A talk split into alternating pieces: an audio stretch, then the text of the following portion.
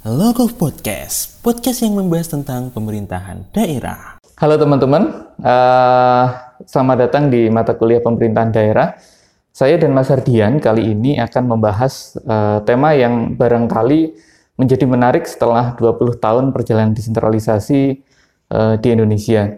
Nah, uh, kita akan membahas uh, tema implikasi desentralisasi di Indonesia. Nah, tema-tema ini sebenarnya sudah banyak dibincangkan oleh banyak uh, pemuka ya, uh, tokoh-tokoh atau uh, scholar ya, atau apa akademisi. Nah, tapi yang sering kita lupa bahwa kita sudah 20 tahun dan apa yang perlu kita sebenarnya uh, hadapi atau apa yang kita akan uh, program atau trajektori untuk masa depan itu seperti apa. Nah, kita akan uh, juga merecall uh, masa lalu, uh, bagaimana uh, sebenarnya implikasi-implikasi uh, itu sebenarnya berjalan sepanjang 20 tahun ini dan apa saja implikasi-implikasi baik itu praktis secara kelembagaan maupun sampai ke apa yang kemudian disentuh oleh uh, masyarakat. Maksudnya apa yang dirasakan oleh masyarakat dari desentralisasi karena uh, apa berdasarkan berbagai macam uh, apa temuan-temuan ya sekarang sudah banyak sekali uh, apa uh, akademisi yang bilang bahwa uh, apa pun sistemnya, apa pun uh, bentuk pemerintahannya, kalau misalnya ujung-ujungnya kesejahteraan masyarakat tidak diperoleh, ya, maka maka akan sama saja. Nah, kita saat ini saya dan Mas Ardian uh, ditemani diskusi kali ini dengan Pak Dwi Harsono, MA MPA PhD. Ini apa? Beliau juga ketua jurusan Administrasi Publik di UNY uh, beliau uh, juga mendalami isu-isu desentralisasi uh, barangkali sejak awal ini ya Pak ya uh, S1 ya Pak ya. Uh, sampai di akhir uh, apa pendidikan beliau S3 uh, beliau uh, risetnya di apa Lathrop University juga uh, riset tentang bagaimana uh, apa kalau tidak salah ya tentang bagaimana uh, posisi uh, monarki uh, apa kesultanan apa uh, Yogyakarta itu berada di dalam uh, naungan republik. Nah, dengan berbagai macam dinamikanya tentu saja. Nah, uh, siapa sih? Oh, Jadi agak serius ini. karena apa? Iya, karena langsung langsung biasanya biasanya kita nggak pernah ngomong serius ya, ya ngomong ya diskusi diskusi gitu. Tapi memang semua nuansanya uh, cair ya. Hmm. Uh, kami yang junior uh, apa ngobrol dengan Mbak Dwi tentu saja ya sambil menyelami ilmunya juga uh, apa diskusinya cair sekali. Nah, gimana Mbak Dwi? Uh, apa sebagai barangkali yang jauh lebih dulu daripada kita Ardian ya, ya. yang mengamati uh, jalannya roda pemerintahan bahkan sejak uh, Pak Harto ya. Pak Harto hmm. barangkali kesadaran saya tentang Pak Harto ya barangkali ya, oh tahu saja gitu ya Pak Di sudah menyelami uh, bukan menyelami mem memahami kondisi saat itu kemudian awal awal pertama kali undang-undang uh, apa otonomi daerah ya undang-undang pemerintah pemerintah daerah pokok-pokok pemerintah daerah 99 kemudian 2004 banyak sekali dinamika Pak Di sebenarnya implikasi uh, baik itu praktis maupun ini ya uh, uh, sosiopolitik gitu itu Mungkin praktis dulu. Apa sih Pak eh, implikasi-implikasi yang secara langsung itu terjadi pada saat perubahan-perubahan uh, baik itu di birokrasi maupun secara umum kelembagaan negara kita. Uh, Oke, okay. jadi saya kilas balik ya uh, masa itu ya. Jadi saya ingat sekali pertama kali terkait dengan kebijakan desentralisasi akhirnya diimplementasikan itu adalah uh, setelah adanya uh, Big Bang Decentralization ya tahun 2000. Tapi sebelum itu itu sudah diawali ya. Uh, di, saya ingat sekali waktu saya pertama kali menyusun skripsi S1 saya adalah tentang efektivitas otonomi daerah. Itu tahun 98. Waktu itu di di daerah saya di Purwokerto sana di Kabupaten Banyumas pemerintah Kabupaten Banyumas itu menjadi salah satu pilot project tentang apa namanya desentralisasi ini. Mengapa kemudian jadi pilot project? Karena sebelumnya di Indonesia kan menggunakan pendekatan sentralisasi, di mana kemudian itu dasarnya adalah Undang-Undang Nomor eh, 5 tahun 74, ya, di mana kemudian eh, sebenarnya muatannya desentralisasi ada tapi lebih pada sentralisasi proses pengambilan keputusan di daerah-daerah itu eh, dikontrol ketat oleh pemerintah pusat. Nah kemudian ada angin segar di mana kemudian akan diupayakan ada proses desentralisasi di mana kemudian pemerintah daerah khususnya kabupaten kota akan diberi kewenangan ya urusan yang sebelumnya dikontrol atau diputuskan di pemerintah pusat. Ini sebenarnya adalah perubahan sehingga kemudian desentralisasi menjadi isu besar saat itu. Dan agar kemudian pemerintah daerah siap, itu akhirnya ada pilot project. Ada 10 kabupaten kota di mana kemudian sebelumnya contoh ya dalam skripsi saya itu adalah Kabupaten Banyumas sebelumnya hanya memiliki empat urusan yang menjadi kewenangan. Ya, kemudian setelah otonomi daerah itu menjadi 11 urusan. Dan ini dua kali lipatnya lebih, tapi implikasinya menjadi sangat banyak. Contohnya seperti ini, dari empat urusan yang dikelola sebelumnya, sebelum ada desentralisasi, itu mereka memiliki enam kantor dinas. Setelah menjadi 11 urusan yang harus dikelola, mereka memiliki 24 kantor dinas. Bayangkan, empat kali lipat kantor dinas. Kan, mengapa kemudian bisa seperti itu? Karena kantor dinas ini sebelumnya itu adalah kantor uh, instu, apa namanya, instansi uh, vertikal dengan sistem dekonsentrasi. Sebelumnya kan ada kantor departemen pendidikan itu urusannya pemerintah pusat, bukan urusannya pemerintah daerah. Dan ini diserahkan menjadi dinas uh, di uh, kabupaten uh, dinas pendidikan dan kebudayaan. Dan itu tadinya cuma ada enam dinas menjadi 24 dinas. Itu kantor dinasnya. Ya. Kemudian orang-orangnya yang sebelumnya juga menjadi pegawai pemerintah pusat juga diserahkan menjadi pegawai pemerintah daerah. Ingatan saya kalau tidak salah waktu itu dari enam kantor dinas yang empat urusan itu hanya 400 orang. Kemudian berubah menjadi 11 urusan dengan 24 kantor dinas jumlah pegawainya kalau tidak salah itu sampai sekitar katakanlah 4 ribuan orang yang harus diurus. Itu dari sisi urusan, dari sisi kemudian kantor. Kemudian implikasi lain adalah ke sarana dan prasarana. Tadinya kalau enam dinas, satu dinas katakanlah enam gedung, ya kan ini menjadi kemudian 24 gedung. Ngurusnya juga nggak gampang. Ya. Dan implikasi lainnya adalah dari sisi anggaran. Yang tadinya anggaran hanya untuk empat urusan, enam kantor dinas, menjadi anggaran 11 urusan, 24 eh, kantor dinas, sekitar 4.000 pegawai. Semua harus dikelola. Bayangkan bagi pemerintah daerah yang tidak siap. Ini adalah yang pilot project. Ya ini yang pilot projectnya seperti itu. Jadi uh, itulah gambarannya di, di masa itu. Dan ya saya bersyukur saya mengalami itu ya. Itu tahun 98. Itu mas.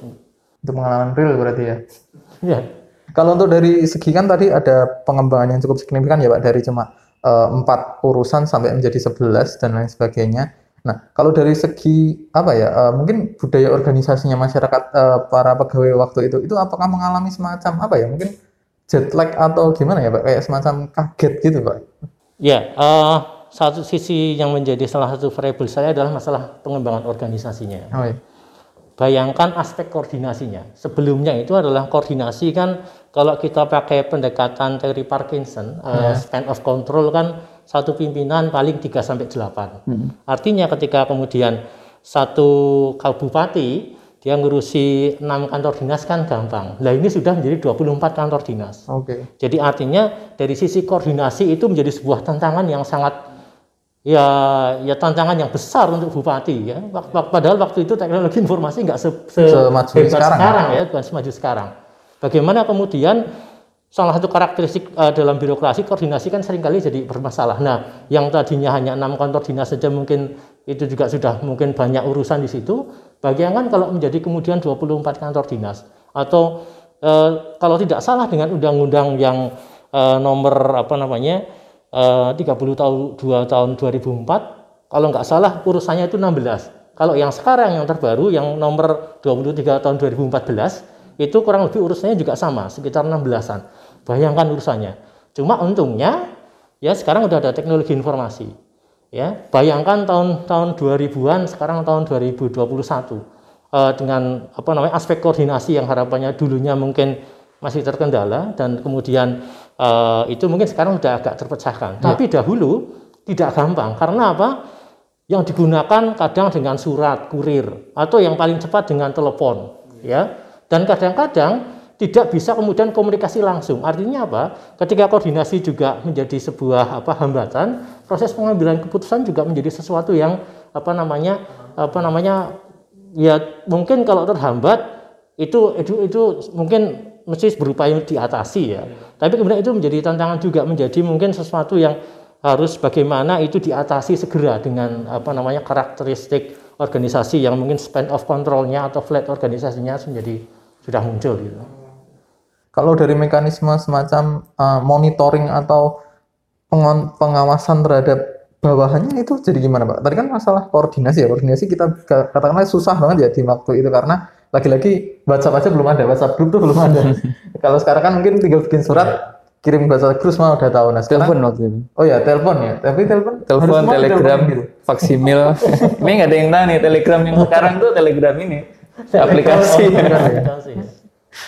nah itu tuh dari segi kontrol sendiri pak. Dan maksudnya kayak semacam evaluasi pengawasan terhadap uh, bawahan itu itu bagaimana juga pak Ya, uh, mungkin kalau di internal satu dinas, mereka mungkin sudah punya sistem yang berjalan ya. Oke. Okay. Artinya uh, karena pimpinan juga mengontrol langsung. Yang mungkin agak sedikit dilematis adalah bagaimana kemudian seorang bupati, yeah. ya, dan kemudian dibantu oleh sekda untuk mengontrol secara otomatis dinas yang banyak ini. Waktu 99 2004 itu uh, bupati-bupati itu menghabiskan masa jabatan dari pelantikan sebelumnya atau Oh, seingat saya, mereka tetap saja ada proses lima tahun menyelesaikan itu. Menyelesaikan. Hmm. Karena uh, waktu itu belum ada uh, apa namanya.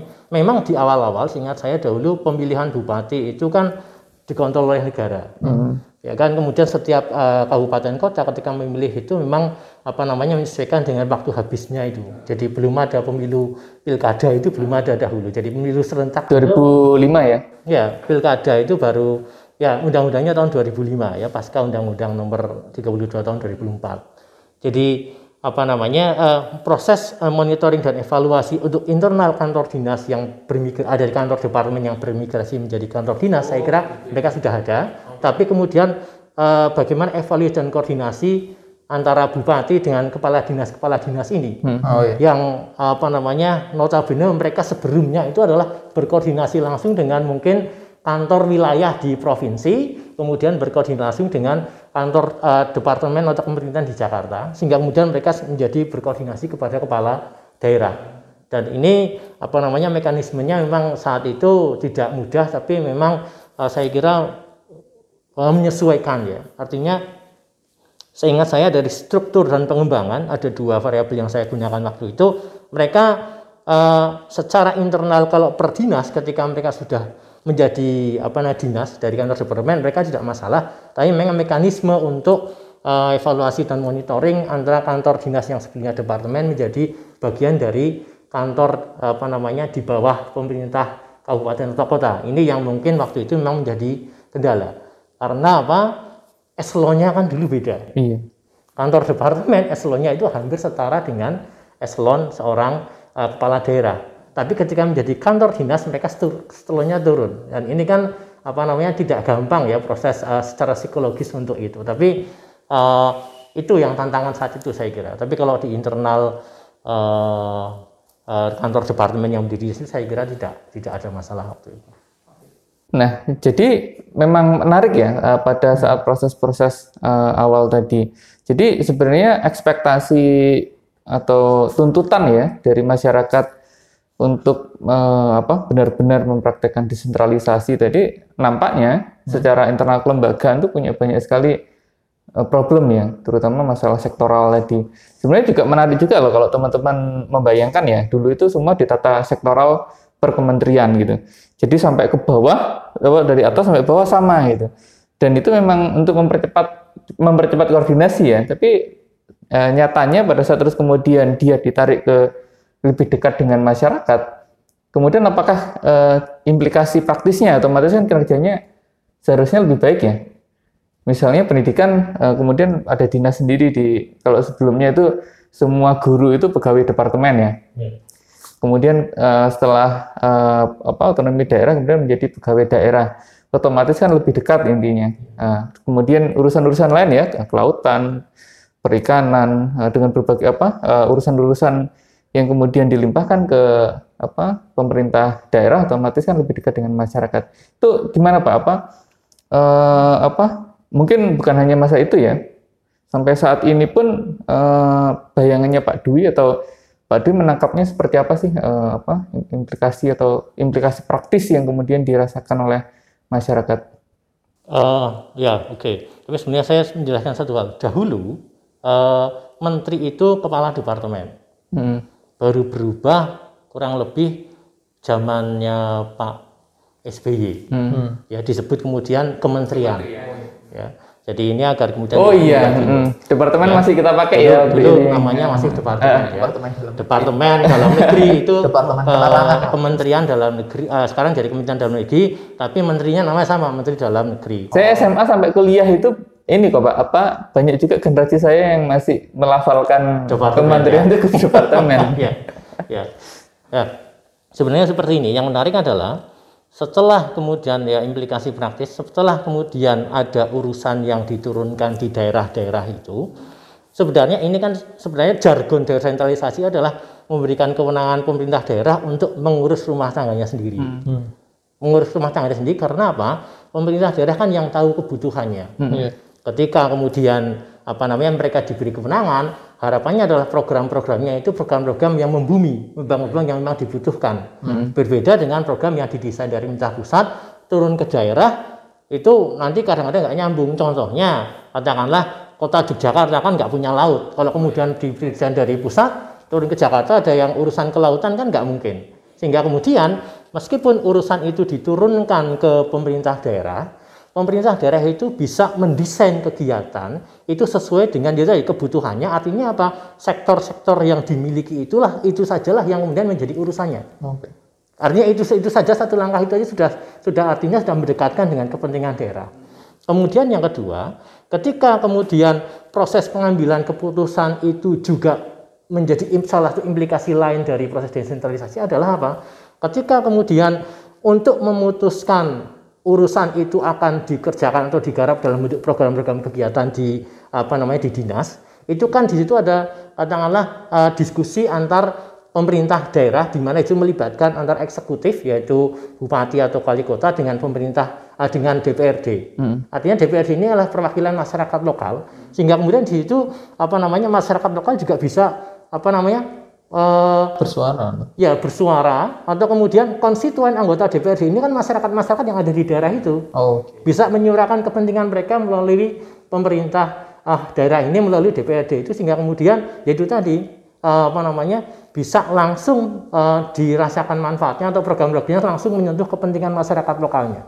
Kan kalau anggota DPRD itu kan ada masa reses. Reses. Reses itu digunakan untuk menemui konstituen, menjaring informasi dari konstituen sehingga kemudian menyuarakan lagi apa namanya eh, kepentingan konstituennya di dalam proses rapat dengan eh, eh, eksekutif ya kepala daerah untuk memutuskan atau pengambilan keputusan terkait dengan kebijakan-kebijakan yang akan dikembangkan oleh daerah. Ini salah satu implikasi dalam proses pengambilan keputusan yang mendekatkan dengan kebutuhan masyarakat yang sebelumnya tidak apa namanya tidak bisa dilakukan seper- se- sebaik itu. Jadi sebenarnya kalaupun misalnya dari si praktikal seperti itu ya, tapi eh, mungkin buat gambaran juga buat teman-teman Pak. Sebenarnya posisi tadi menarik posisi DPRD kan, sebenarnya kan sudah ada sejak dulu. Dan mereka memang tugasnya untuk apa mem- memberikan aspirasi apa menyuarakan aspirasi walaupun dari sisi eh, kepala daerah itu memang ada penunjukan ya istilahnya walaupun eh, sistemnya katakanlah masih apa ada apa undang-undang tentang pokok-pokok pemerintah daerah tapi nyatanya memang itu, melalui sebagai demokrasi perwakilan. iya layer saja nah sebenarnya kan eh, tidak terlalu berbeda memang sejak dari dulu pak ya anunya eh, apa eh, proses pembuatan keputusan tadi Ya, sebenarnya proses pembuatan keputusan dahulu memang seperti itu, Hmm. ya, tidak ada perbedaan ya. Perbedaannya kan pasca ada pilkada dan kemudian pengisian ya pemilihan proses langsung. proses pengisian Ya, jabatan ya Proses pengisian jabatan waktu itu kan eh, ada pemilu, partai kemudian mengirimkan wakil-wakilnya ya tidak tidak dipilih langsung ya Eh, kemudian eh, kepala daerah juga kandidatnya dikirim ke Jakarta nih Jakarta memberi indikasi siapa yang akan dipilih kemudian oleh apa namanya DPRD akan ini loh yang menjadi apa namanya yang di lampu hijaukan oleh pemerintah pusat sehingga oleh pemerintah pusat eh, oleh eh, menjabat ACC begitu sehingga oleh DPRD kemudian dia yang akan dipilih aklamasi biasanya ya Walaupun prakteknya itu ya, ABRI, Golkar, ya Eh, aplik birokrat birokrasi- senior ya? birokrasi senior gitu biasanya seperti itu nah cuma eh, ketika pengambilan keputusan ya eh, mereka sebenarnya sama prosesnya seperti tadi tapi sebelum ada otonomi daerah karena kemudian desain re- eh, regulasi dan program itu dari pemerintah pusat mereka tinggal ketok saja Hmm. menyesuaikan gitu Nah, dengan adanya desentralisasi, ya, di mana kewenangan itu ada domainnya atau kepala eh, daerah eh, kabupaten eh, pem- Pemkap dan Pemkot itu menjadi daerah otonom, dia kemudian diberi kewenangan untuk membuat apa namanya men- memformulasikan eh, apa namanya kebijakannya yang itu diturunkan dari kebutuhan-kebutuhan masyarakat ya ada musrenbang dan lain-lain ditarik menjadi apa namanya keputusan eh, di pemerintah di Bapeda begitu dan kemudian akhirnya dirapatkan atau didiskusikan di apa di kantor DPRD sehingga kemudian itu ditetapkan. Prosedurnya memang tidak banyak berubah saat itu, tapi kemudian dengan adanya desentralisasi menjadi kemudian peluang eh, bagi pemerintah daerah untuk memformulasikan, mendesain dan memutuskan kebijakan-kebijakan yang sesuai dengan kebutuhan masyarakat lokal gitu. ada visi misi anu ya, Ada bupati ya. daerahan seperti itu. Kalau yang sebelumnya ya tinggal kayak Pak Camat atau Pak Lurah Ya. yang Eh, yang menarik adalah seperti ini kaitannya dengan itu. Jadi ketika bupati terpilih itu adalah memiliki visi untuk pengembangan daerahnya baik, maka kemudian sering kali ada istilahnya kalau dalam administrasi adalah best practices. Ya, eh, apa namanya? eh, praktek-praktek yang baik yang kemudian muncul di pemerintahan daerah karena kemudian eh, pemerintah daerah itu bisa dengan baik memunculkan potensi daerahnya dan membuat kebijakan-kebijakan di mana kebijakan-kebijakan itu meningkatkan apa namanya kinerja pemerintah daerah, meningkatkan eh, keberhasilan pemerintah daerah dalam melaksanakan program dan di satu sisi juga masyarakat juga menjadi semakin meningkat ya kesejahteraannya. hmm, Berbeda dengan mungkin kepala daerah yang mungkin eh, apa namanya hanya eh, administratif saja ya, tidak visioner dan lain-lain akan berbeda dan itu banyak kasus ya, banyak kasus di mana kemudian pemerintah daerah yang visioner dan bagus eh, ketika sudah eh, melaksanakan desentralisasi ini menjadi eh, kapasitasnya meningkat daerahnya. Contoh sal- salah satunya adalah ya kota Yogyakarta ya. Dia selalu menjadi apa namanya eh, patokan ya best practices di apa pelaksanaan pemerintahan daerah eh, di Indonesia gitu. mm-mm. walaupun kita nggak pernah memilih gubernur ya. Itu kan tadi kota, kota. Oh, iya. Jakarta. Nah, tapi Ini menarik juga ya. pindah. Menarik juga apa implikasi langsungnya kan sebenarnya juga ini eh, apa eh, kayaknya kalau dilihat dari undang-undang dasar itu kan kita eh, proses apa eh, gubernur itu kan kepanjangan tangan ya dikonsentrasi ya dari dari apa Pusat. dari pusat ya.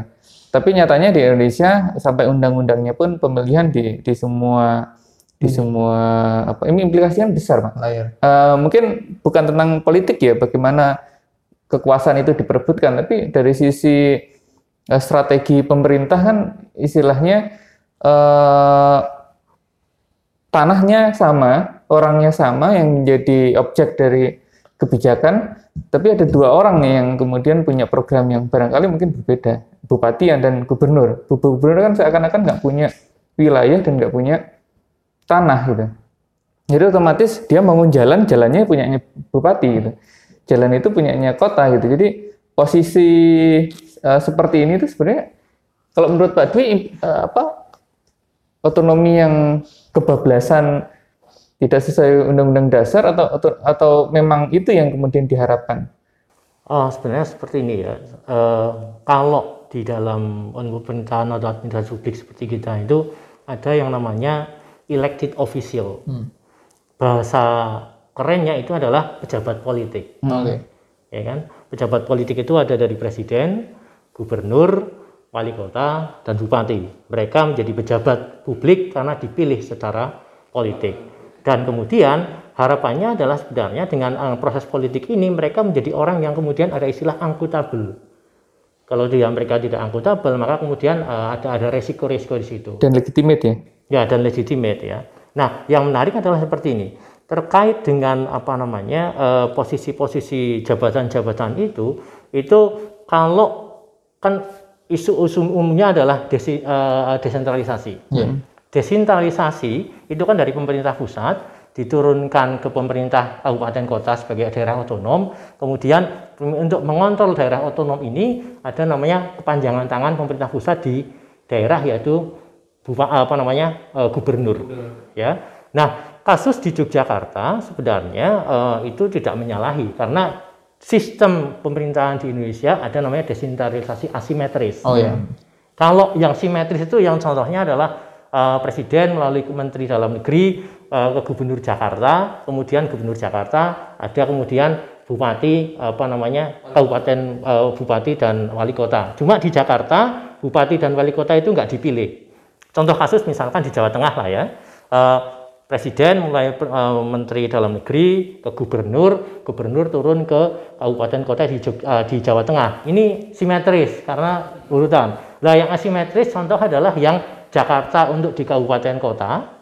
Kalau di Yogyakarta itu asimetrisnya adalah yang di eh, gubernur karena apa itu tidak dipilih secara politik. Tapi kemudian mekanisme pemerintahannya itu masih bisa berjalan karena apa itu masih sesuai dengan apa namanya eh, pemerintahan eh, yang ada di Undang-Undang Nomor eh, 23 tahun 2014. Artinya apa?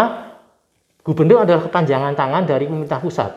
Ya, artinya yang daerah otonom adalah di pemerintah kabupaten kota. Jadi eh, dan keputusan ini pun keputusan yang levelnya di undang-undang. Oke. Kayak di Yogyakarta itu kan undang-undang. Levelnya setara dengan undang-undang pemerintahan daerah. Di Jakarta pun sebagai daerah ke- eh, khusus ibu kota pun levelnya undang-undang. Sehingga kemudian tidak menyalahi itu. Walaupun kemudian memang yang agak unik adalah kasus di Jogja. Yogyakarta kalau provinsi itu pakai undang-undang atau eh, yang pemerintahan daerah atau undang-undang yang keistimewaan. Nah kan? Tapi kemudian yang menarik adalah di sini. Yang agak bingung memang ya pemerintah kabupaten kota. Kalau pemerintah kabupaten kota, mereka secara administratif keorganisasian mereka masih mengacu kepada eh, undang-undang pemerintah daerah. Iya. Oh, Tapi iya, iya. kemudian untuk undang apa urusan-urusan yang terkait dengan lima urusan keistimewaan Yogyakarta, mereka menggunakan undang-undang keistimewaan. Kadang-kadang ini menimbulkan kebingungan, tapi sampai saat ini kok ya masih masih berjalan baik-baik saja ya. Tapi kan ada proses evaluasi terus-menerus yang dilakukan. Artinya harapannya semoga itu tidak menimbulkan permasalahan. Baik-baik saja itu sungkan mau protes, Pak. Oh, ya itu juga bisa ya. Nggak, oh, saya ketemu Ngarso Dalam itu sudah dua, berapa kali dua kali ya untuk penelitian saya sendiri. Memang beda ya kalau ketemu dengan Ngarso Dalam ya. Jadi auranya udah lain. ya. Langsung itu sultan ya maksudnya. Ngarso Dalam itu ya Sultan. Soal gubernur di daerah istimewa Yogyakarta itu adalah Sultan Hamengkubuwono ke-10. Biasa kita orang Jogja mengambil itu Ngarso Dalam. Dalam. Gitu. Jadi itu itu juga yang menjadi menarik ya, karena eh, kita ada kekhasan kita tinggal di Jogja ya. Oke, nah tadi Pak Dwi kalau nggak salah meng-highlight ada satu ini ya konsep yaitu asimetris ya teman-teman. Mungkin di beberapa video lain kita juga udah pernah kita singgung soal asimetris. Nah tapi eh, untuk kali ini mungkin kita berkaitan sama ini aja Pak Dwi. Eh, gimana sih Pak eh, kaitan antara asimetris ini dengan upaya daerah-daerah ini ketika sekarang sudah diberikan otonomi yang lebih untuk memaksimalkan potensi mereka supaya istilahnya dapat mencapai kesejahteraan yang ditujukan kayak gitu. Ya, eh, seperti ini ya. Bayangkan saja sebenarnya eh, kebijakan itu kan berlaku untuk seluruh negara, ya, undang- undang-undang tentang pemerintahan daerah. Namun kemudian eh, ada kebijakan sifatnya aplikasi untuk daerah-daerah tertentu. Ya, Eh, ada yang levelnya eh, dan seingat saya di Indonesia ada eh, empat, ya, empat. Eh, di yang pertama itu ada di DKI daerah khusus ibu kota. Kemudian yang kedua ada di Papua. Ya Papua ini ada dua Papua Barat dan Papua.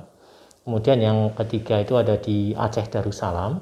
Dan kemudian yang terakhir ada di Yogyakarta daerah istimewa Yogyakarta. Dan ini apa namanya di undang-undang juga ada. Jadi apa namanya daerah istimewa yang kemudian itu memang eh, karena sifat keistimewaannya itu menjadi karakteristik daerah. Ya. Dan kemudian harapannya adalah dengan apa namanya eh, memenuhi perundang-undangan dan kemudian mengakomodasi karakteristik daerah ini muncul kemudian potensi-potensi daerah yang sesuai dengan karakteristiknya untuk pengembangan masyarakatnya. Logikanya seperti ini. Ketika kemudian undang-undang itu ditetapkan, semua daerah itu harusnya sama.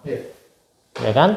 Tapi kalau kemudian asumsinya semua daerah sama, ini sebenarnya juga agak agak apa namanya eh, menjadi sedikit kontradiktif karena apa? Sama itu adalah kebijakannya. Tapi kemudian karakteristik keputusan, kebijakan dan lain-lain itu adalah menggambarkan karakteristik daerah. Sedangkan kemudian mengakomoda dan itu adalah konsep simetris. Ya, yang asimetris adalah kemudian ketika melihat daerah-daerah ini memang memiliki potensi atau karakteristik yang berbeda dengan daerah yang lain. Contohnya Papua yang uh, potensinya sebenarnya sangat besar, namun kemudian di situ karakteristik daerahnya ada apa namanya uh, musa, apa namanya yang rakyat Papua itu ya dan di mana itu menjadi karakteristik daerahnya dan pengambilan keputusannya juga menjadi karakteristiknya. Kemudian untuk kota Jakarta ya, ya daerah karena itu daerah ibu kota khusus ibu kota okay. di mana kemudian memang eh, koordinasi antara pemerintah pusat dan pemerintah daerah menjadi sangat uh, intens ya karena itu menyangkut juga uh, apa namanya simbol-simbol negara juga ada di situ sehingga kemudian uh, membutuhkan koordinasi yang menjadi apa namanya sangat harus apa ya harus komprehensif sehingga kemudian diberi hak untuk apa daerah uh, khusus ibu kota keistimewaannya di situ. Kemudian untuk Nangor Aceh Darussalam karakteristik uh, karakteristik lokal di daerahnya ya terkait dengan mungkin menjadi serambi Mekah dan lain-lain aspek uh, kultural dalam arti kultural keagamaan ini menjadi kemudian salah satu alasan. Kemudian untuk kasus yang di Yogyakarta, keistimewaan Yogyakarta karena kemudian aspek sejarahnya. Yogyakarta menjadi istimewa karena dulu apa namanya memberikan sumbangan yang banyak terkait dengan uh, sejarah perkembangan bangsa ini ya bangsa Indonesia. Tapi kemudian itu ditopang oleh karakteristik budaya dengan kemudian uh, formalnya atau sentralnya itu ada di keraton. Sehingga kemudian aspek budaya menjadi menonjol di apa di Yogyakarta sehingga kemudian ini menjadi apa namanya eh, salah satu alasan sehingga kemudian menjadi ada desentralisasi asimetris ya di daerah-daerah ini. Namun kemudian ini uh, bisa dilakukan karena levelnya undang-undang. Tapi untuk daerah-daerah yang lain, saya kira tidak bermasalah ya. Uh, mereka dalam uh, konteks desentralisasi asimetris pun mereka bisa mengembangkan potensi daerahnya. Tapi kemudian untuk daerah-daerah ini kan tidak memiliki reasoning yang sama dengan empat daerah yang akhirnya menjadi uh, daerah istimewa atau daerah khusus dengan kemudian kebijakan desentralisasi asimetris. Walaupun reasoningnya uh, kenyataannya juga cukup kontroversial Pak ya misalnya seperti Papua dan Aceh eh, apa mereka mendapatkan ya seakan-akan kalau misalnya tiba-tiba eh, atau dulu misalnya nggak ada undang-undang apa otonomi khusus barangkali mungkin tuntutannya eh, tentang disintegrasi juga cukup besar ya apa namanya itu pertimbangan utamanya kalau menurut Pak Dwi barangkali ini ya apa eh, selain dari sisi tuntutan ya mungkin ya uh, dari sisi konteks apa keinginan untuk mendorong mereka untuk sejajar atau misalnya menyusul ya dengan daerah-daerah lain itu kan sebenarnya juga menjadi alasan utama pak ya? Ya, uh, memang untuk khusus kasus yang ada di Papua itu dan di Aceh dulu kan ini masalah separatisme ya. Dan situs separatisme itu dari situ juga mengakibatkan juga karena mungkin kesatuan atau usaha integrasi itu belum berjalan dengan baik, akhirnya mungkin daerah ini menjadi relatif dalam tanda petik mungkin tertinggal. Hmm. Oh iya. Di Papua pun dalam uh, di Aceh pun dalam beberapa aspek seperti itu. Saya punya beberapa kenalan di, di Aceh. Akibat sentralisasi itu. atau gimana kira-kira Pak? Uh, salah satu kebijakan untuk dua daerah tersebut akibat sentralisasi itu adalah adanya DOM, daerah otonom, uh, daerah operasi militer waktu itu. Ya karena isu separatisme dan sentralisasi. Dan kemudian salah satu wujud apa namanya eh, ketika dom sudah tidak ada lagi dan kemudian untuk melakukan percepatan eh, pengembangan sumber daya manusia maupun infrastruktur adalah mereka diberi adalah otonomi khusus. Ya tujuannya adalah untuk melakukan percepatan itu.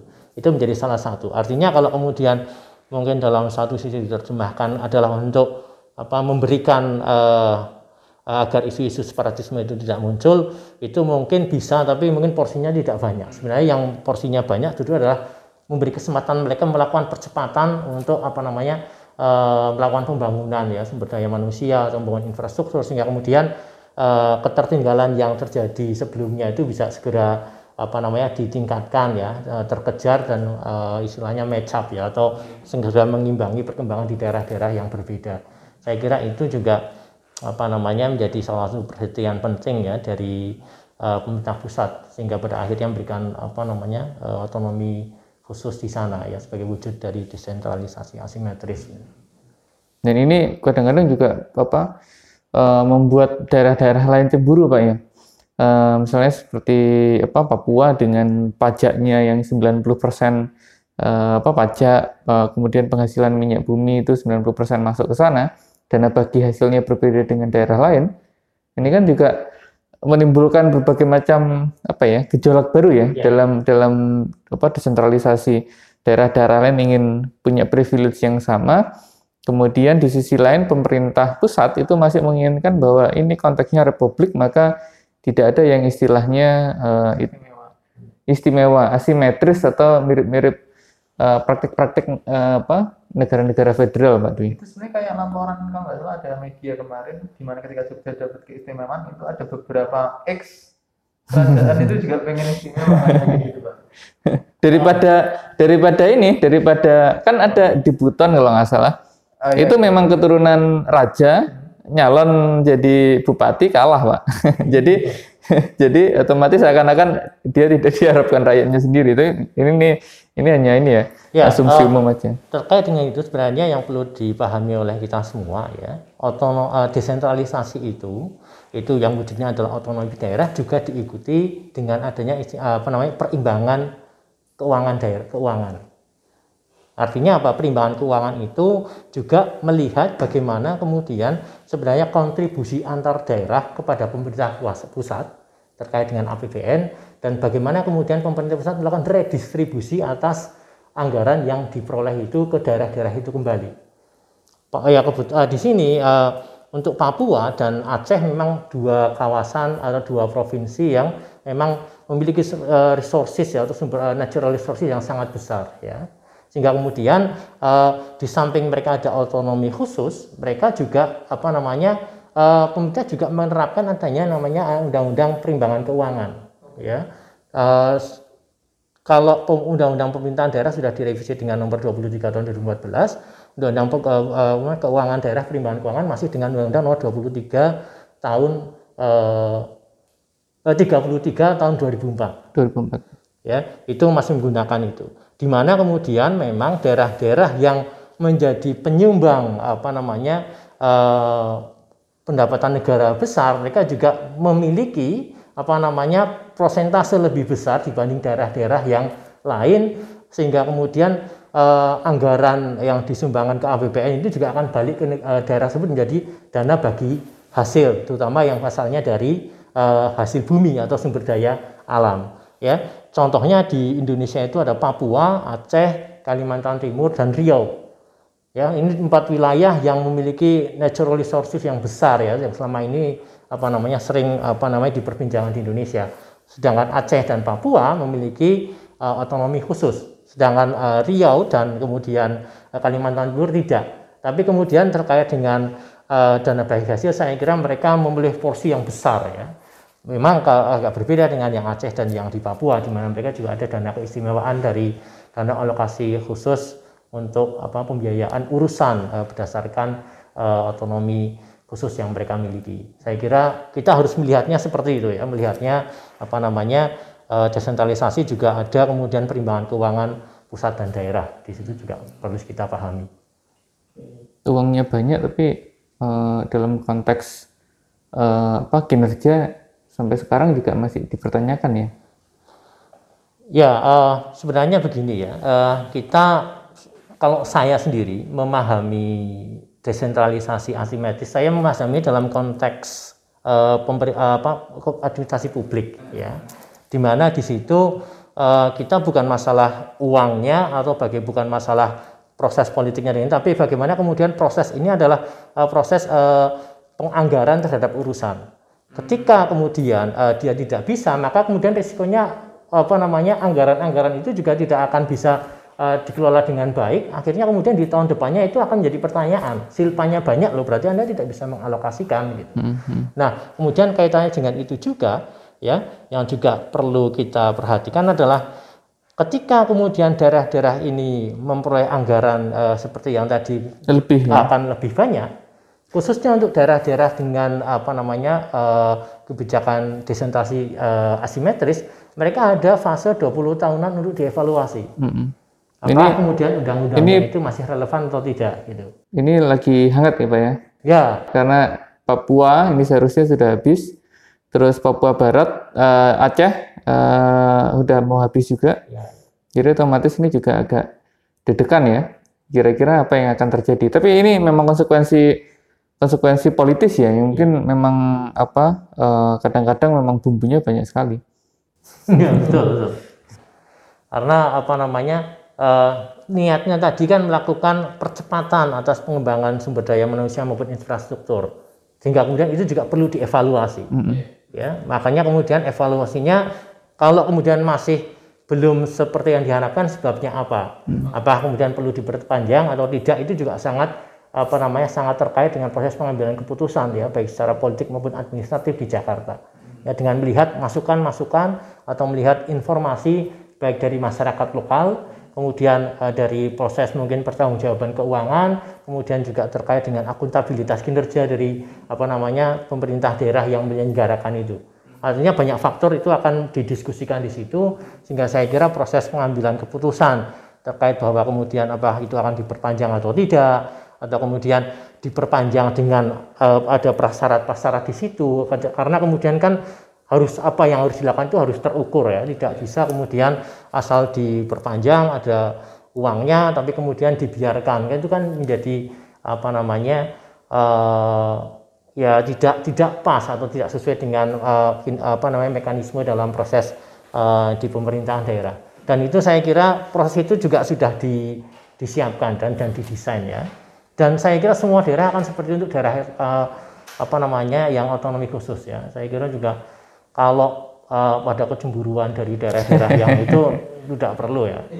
Lebih-lebih kalau masyarakatnya sudah apa namanya uh, sudah baik sumber daya manusianya saya kira ya itu nanti desentralisasi simetris pun sudah uh, mewadahi semua karena kelengkapan undang-undangnya, perimbangan keuangan juga sudah ada semua. Nah, ini pertanyaan terakhir barangkali Pak Dwi ya.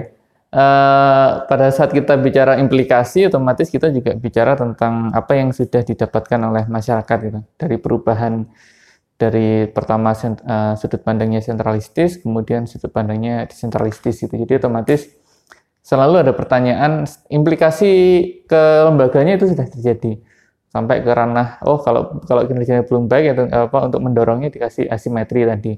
Nah, kemudian apa yang diterima masyarakat? Nah, kalau Pak Dwi lihat selama sejak 99 sampai 2001 ya, ya kurang lebih 20 tahun lah. Kalau misalnya kita uh, bicara apa angka bersihnya gitu. Nah, kalau Pak Dwi lihatnya seperti apa, Pak? Uh, saya kebetulan di Jogja ya. Jogja ini banyak hal yang menguntungkan, ya, karena sumber daya manusia relatif bagus. Artinya contohnya sederhana adalah di tahun 2002 tahun 2000 2001 ketika ada apa namanya Big Bang Decentralization begitu kebijakan desentralisasi diterapkan diimplementasikan seluruh Indonesia Jogja salah satu kawasan yang sangat siap ya. Dan kemudian uh, juga mencetak uh, keberhasilan banyak sekali best practices ya. Dan kemudian dari best practices best practices itu banyak juga kemudian dijadikan studi banding dari kawasan-kawasan di luar Yogyakarta untuk hadir di sini.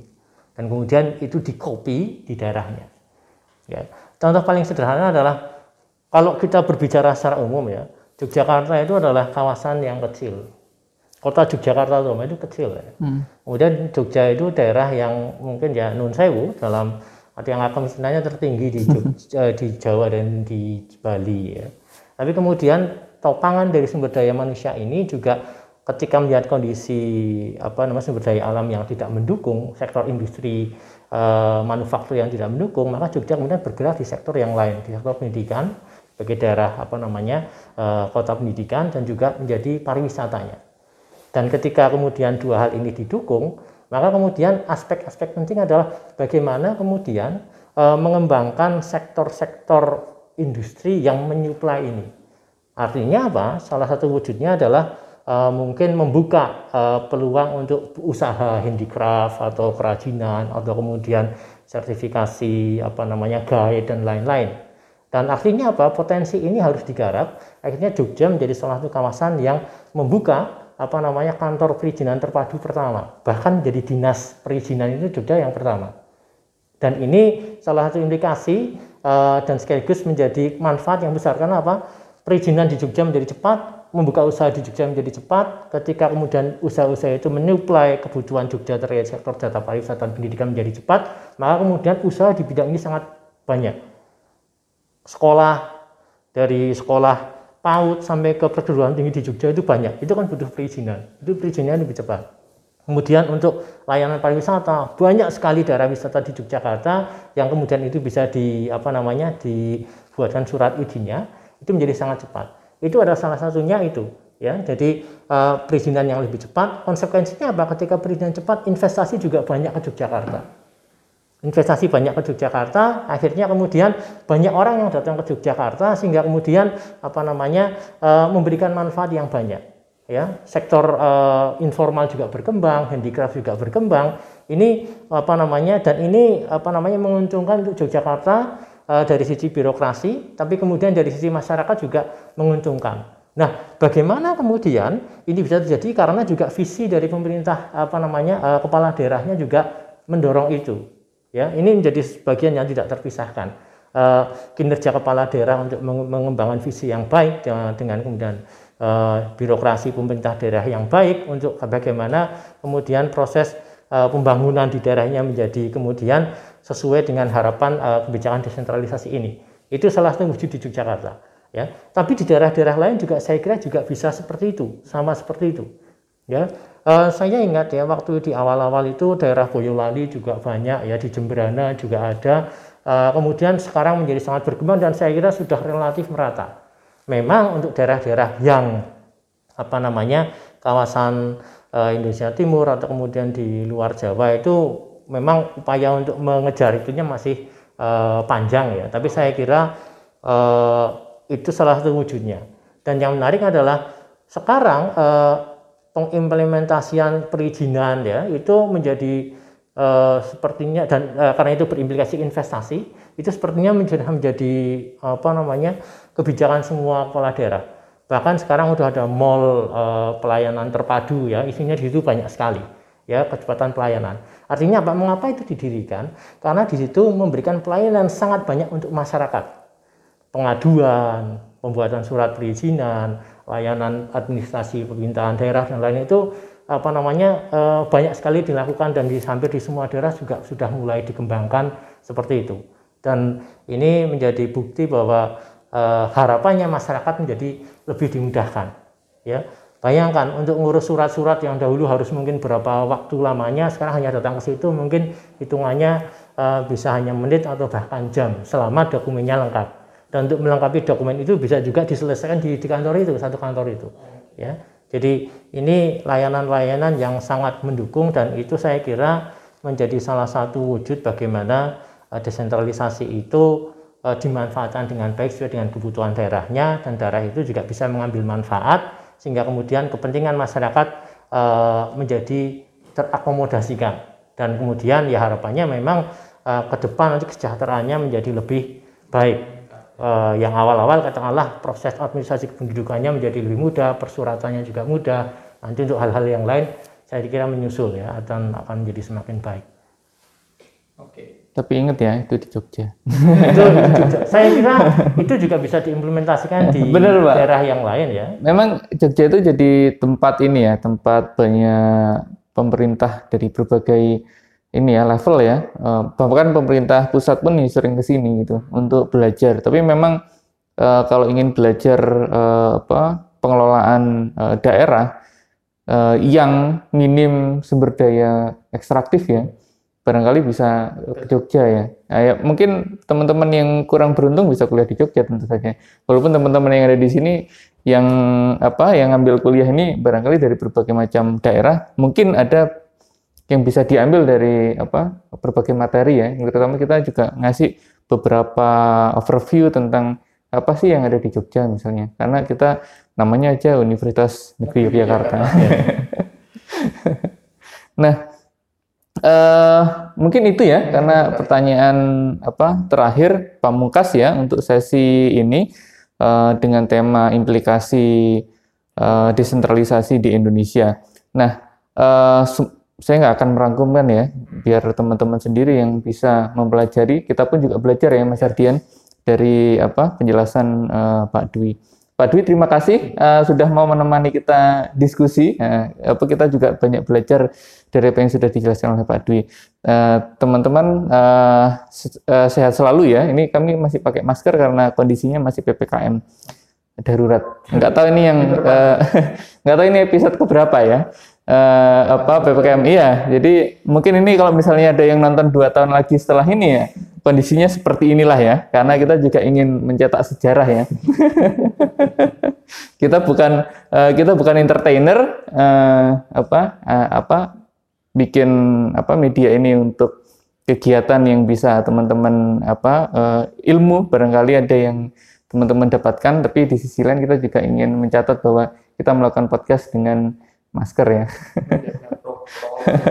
Protokol kesehatan. Oke, kalau begitu sampai jumpa kembali di materi-materi selanjutnya. Bye bye.